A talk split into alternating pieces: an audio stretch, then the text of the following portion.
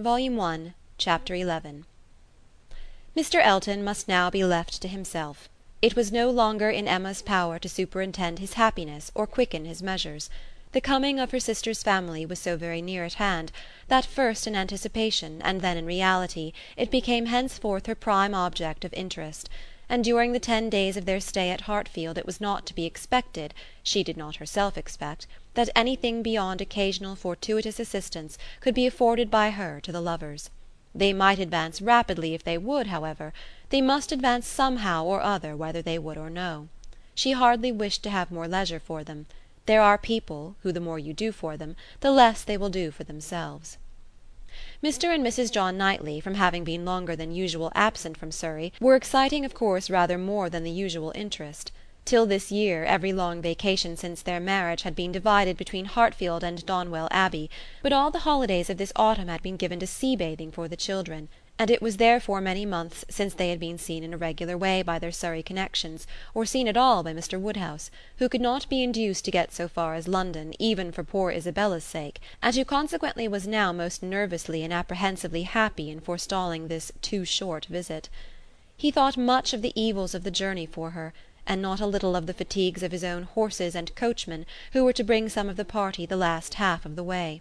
But his alarms were needless, the sixteen miles being happily accomplished, and Mr. and Mrs. John Knightley, their five children, and a competent number of nursery maids, all reaching Hartfield in safety.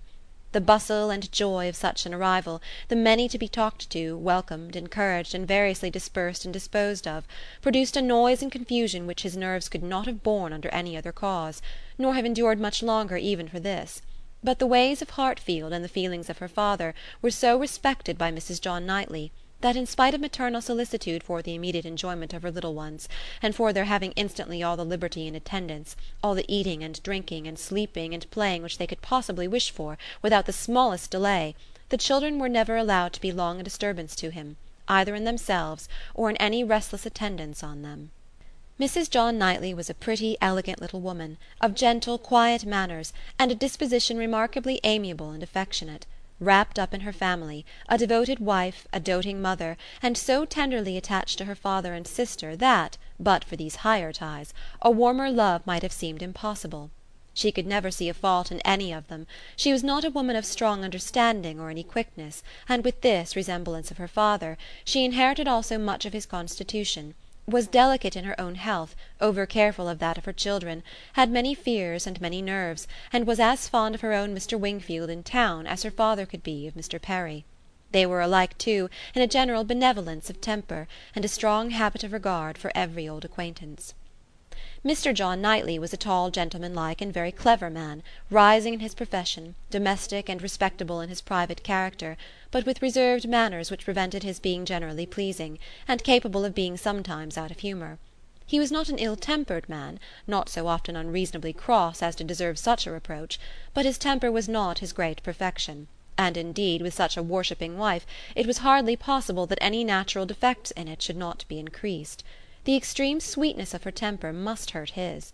He had all the clearness and quickness of mind which she wanted, and he could sometimes act an ungracious or say a severe thing.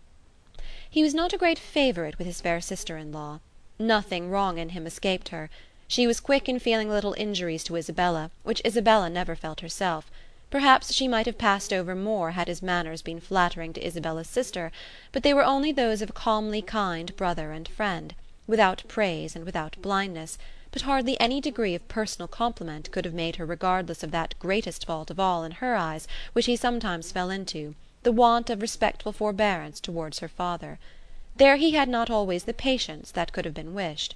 Mr. Woodhouse's peculiarities and fidgetiness were sometimes provoking him to a rational remonstrance or sharp retort equally ill bestowed. It did not often happen, for Mr. John Knightley had really a great regard for his father in law, and generally a strong sense of what was due to him; but it was too often for Emma's charity, especially as there was all the pain of apprehension frequently to be endured, though the offence came not. The beginning, however, of every visit displayed none but the properest feelings, and this being of necessity so short might be hoped to pass away in unsullied cordiality. They had not been long seated and composed when Mr. Woodhouse, with a melancholy shake of the head and a sigh, called his daughter's attention to the sad change at Hartfield since she had been there last.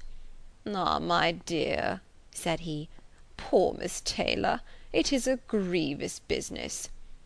"Oh yes, Sir," cried she with ready sympathy, "how you must miss her! and dear Emma too! what a dreadful loss to you both! I've been so grieved for you.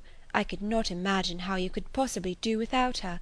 It is a sad change indeed. But I hope she is pretty well, Sir." "Pretty well, my dear, I hope pretty well. I do not know but that the place agrees with her tolerably." Mr. John Knightley here asked Emma quietly whether there were any doubts of the air at Randalls. "Oh, no, none in the least. I never saw Mrs. Weston better in my life, never looking so well. Papa is only speaking his own regret." "Very much to the honour of both," was the handsome reply. "And do you see her, Sir, tolerably often?" asked Isabella in the plaintive tone which just suited her father. Mr. Woodhouse hesitated. "Not near so often, my dear, as I could wish." "Oh, papa, we have missed seeing them but one entire day since they married. Either in the morning or evening of every day, excepting one, have we seen either Mr. Weston or Mrs. Weston, and generally both either at Randalls or here; and, as you may suppose, Isabella, most frequently here. They are very, very kind in their visits. Mr. Weston is really as kind as herself. Papa, if you speak in that melancholy way, you will be giving Isabella a false idea of us all.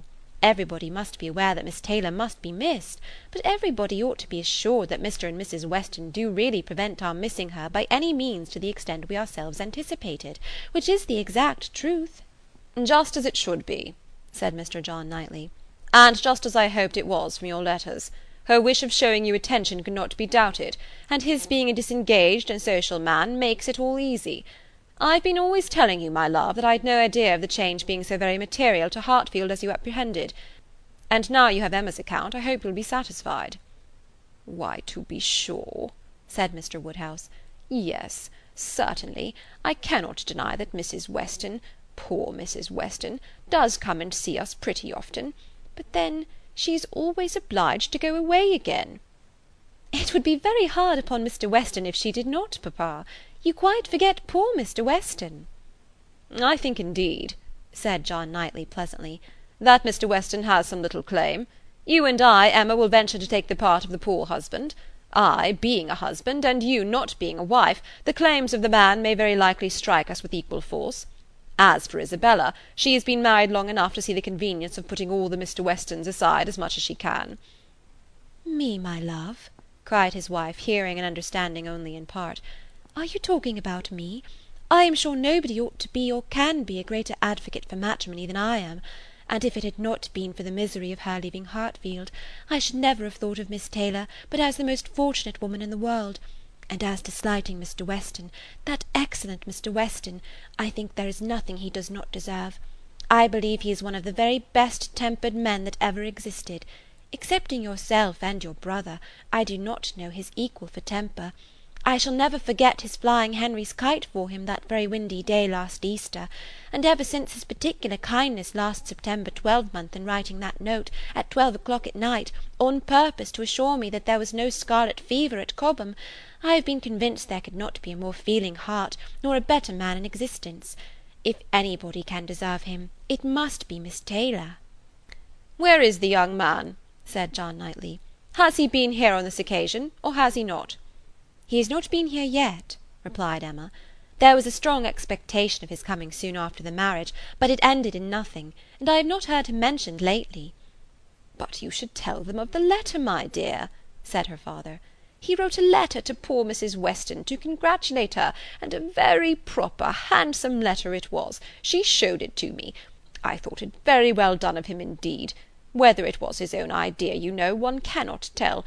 He is but young, and his uncle, perhaps—" "My dear papa, he is three and twenty. You forget how time passes."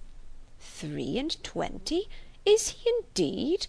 Well, I could not have thought it; and he was but two years old when he lost his poor mother. Well, time does fly indeed, and my memory is very bad. However, it was an exceeding good, pretty letter, and gave Mr. and Mrs. Weston a great deal of pleasure. I remember it was written from Weymouth, and dated September 28th, and began, "My dear Madam," but I forget how it went on, and it was signed F. C. Weston Churchill, I remember that perfectly. "How very pleasing and proper of him!" cried the good hearted Mrs. John Knightley. "I have no doubt of his being a most amiable young man; but how sad it is that he should not live at home with his father! There is something so shocking in a child's being taken away from his parents and natural home. I never could comprehend how Mr. Weston could part with him. To give up one's child! I really never could think well of anybody who proposed such a thing to anybody else."